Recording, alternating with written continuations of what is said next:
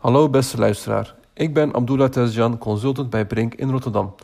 Wij zijn nu in Tarwijk in Rotterdam, een doorstroomwijk van arbeiders, werken en gaan. Vaak alleen. In de omgeving vind je het attractiepark Rotterdam in het oude AWR-terrein, ontwikkeld door Henny van der Most. Daarnaast UFO-restaurant. Wij staan nu voor Bas Jungeriusstraat 260. Het is het eerste pand dat aangekocht is door SWRZ, Stichting Woonverbetering Rotterdam-Zuid.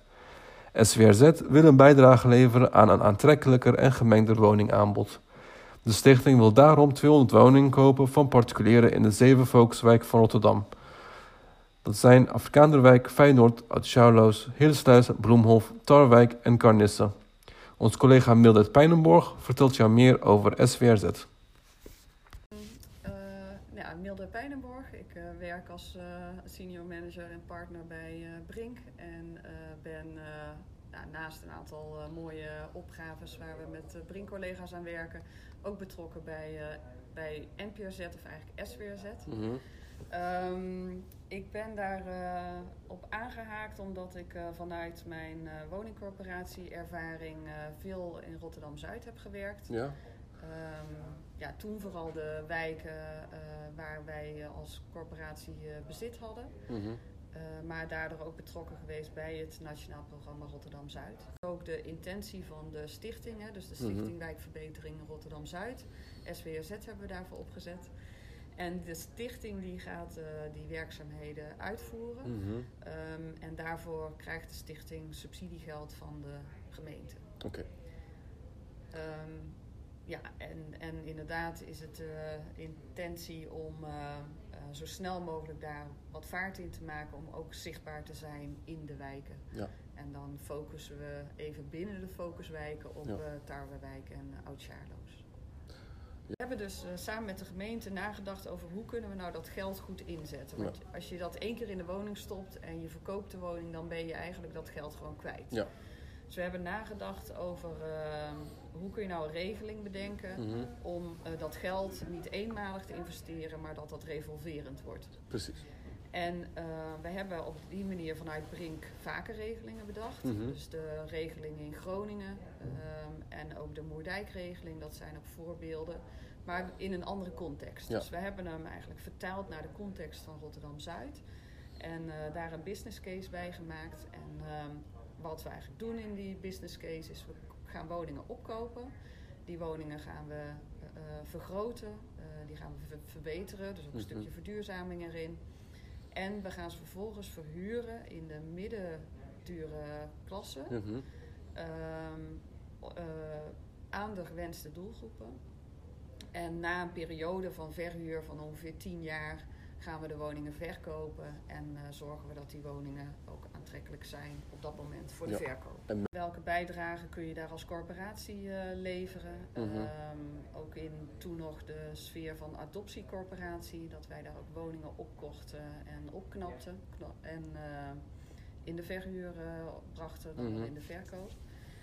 Um, dus, dus daar op die manier en daardoor ook veel met uh, partijen samengewerkt die daar toen ook werkten. Nou, Ja. daar, daar ben ik nu een paar jaar weg, maar vanuit Brink uh, kregen wij de vraag vanuit de gemeente om eens mee te denken um, hoe het subsidiegeld uh, wat er beschikbaar is, hoe dat goed in te kunnen zetten. Ja.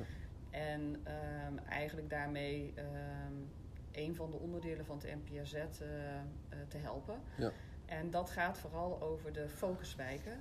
Dus we, hebben, we waren eigenlijk in de business case van uitgegaan dat we echt alleen lege woningen zouden aankopen. Um, wat maakt dat er geen huidige huurders in zitten. Mm -hmm. Maar de kans heeft zich voorgedaan om een uh, pakket van woningen van de gemeente over te nemen. Dat uh, nou, tegen de tijd dat jullie dit bericht horen, hebben we die woning ook daadwerkelijk in ons bezit.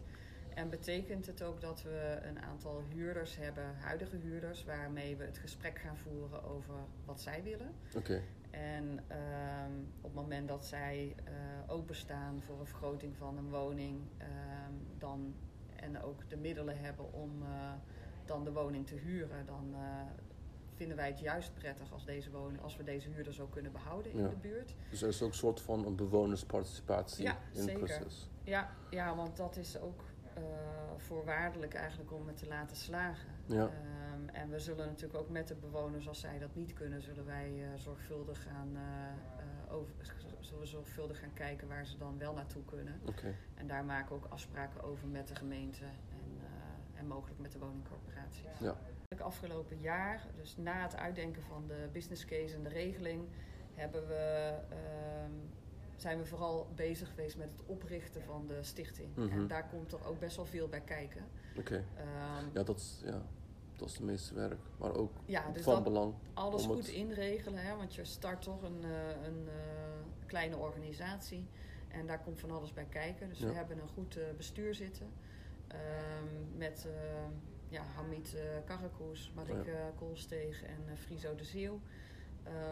Kritisch en enthousiast over de opgave, heel belangrijk.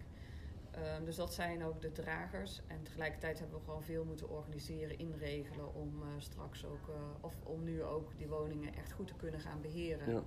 En ehm, gaan we natuurlijk de voorbereidingen treffen om de woningen op te gaan knappen. Ja. En daar hebben we al wat schetsplannen voor liggen. Dus we hebben al wel even het schetsvel gepakt en eh, de eerste ideeën uitgewerkt. Mhm. En dat is hetgeen wat, eh, wat nu eh, voor aankomende periode staat om dat verder uit te werken. Ja. En daar de participatie ook met de huurders over te hebben. Ja, zoals ik het nu zie, dan is dit ook een proeftuin. Dus we gaan hier deze regeling uitwerken en in gang zetten. En daarmee is het ook echt wel een voorbeeld eh, voor andere opgaves. Dus ik zie dat zeker. En dan kunnen dat opgaves zijn eh, waarin exact ook, eh, ook de situatie is met kleine woningen. die vergroot moeten worden. Dat, dat, zullen, dat zullen vooral echt stadswijken zijn. Maar je zou hem ook door kunnen vertalen naar andere gebieden. Ja. waarin je ziet dat er, ja, waar bijvoorbeeld middelgrote gemeenten, waar toch ook de nodige eh, problemen zijn in bepaalde wijken. Ja. En die je zo op deze manier met een impuls eh, echt eh, ja, een nieuwe, ja, of een nieuwe impuls kunt geven. Ja. Ehm, er is al wel interesse getoond, dus we hebben ook al wel vragen gekregen. En ehm, nou ja, daar staan we juist ook voor open om te kijken van dat wat we nu hebben uitgedacht, kunnen we dat ook ergens anders doen. Ja. ja. Ja, want het heeft wel, denk ik, een eh, toegevoegde maatschappelijke waarde. Ja, dat, dat is het ook vooral. En wij zeggen ook van eh, wij, wij stappen hierin als stichting. Hè, dan heb ik het echt over de stichting. Op het moment dat blijkt dat de markt het kan en wil doen, Ja. dan zijn wij overbodig. Dus dan zeggen we ook, ja, dan kan de stichting eigenlijk eh, opgeheven worden. Maar Ja. zolang de markt het niet oppakt, is er iets, is er iets nodig. En Ja. dat iets, dat hebben wij nu in deze vorm eh, gegoten. Ja. En eh, nou, dat gaan we ook zien hoe dat eh, uitpakt. En wij hebben daar alle vertrouwen in, maar het moet zich ook nog bewijzen in de praktijk. Ja. Ehm, dus ja, we hopen zeker dat dat dan ook verder uitgedragen kan worden en ingezet kan worden in de rest van Nederland. Ja, wat eh, echt wel de toegevoegde waarde is, is dat we onze kennis eh, vanuit die andere regelingen hebben uitge... Dus Moerdijkregeling Ja. en ook de regeling in Groningen. Precies, dat we die kennis hebben ingebracht. Eh, wat ook maakt is dat wij echt een Rotterdamse partij zijn. Dat we ook in Rotterdam kantoren hebben en veel collega's uit. Rotterdam. Waardoor we ook die betrokkenheid voelen bij dit soort opgaves. Ja. En ehm, ik ben toch, eh, ik ben wel echt van mening als je een bepaalde maatschappelijke betrokkenheid voelt, dat je daarmee ook je werk beter en met eh, meer toegevoegde waarde kunt Ja. doen. De juiste energie in kan Ja. steken. Ja. En eh, volgens mij maakt dat wel dat wij dit tot ja, deze stappen hebben kunnen zetten. Ja. Ehm, jij noemde even, daar heb ik vooral een rol in. Dat is niet zo, hè? dat hebben we echt wel met het team gedaan. Dus eh, er zijn een aantal mensen die juist in die voorbereiding eh, sterk hebben meegedacht. En ook een aantal mensen die nu, ehm, zoals Birgit en Jeffrey, eh, die nu de woningen bezichtigen, Mhm. de plannen mee uitdenken. Dus we hebben echt wel een team staan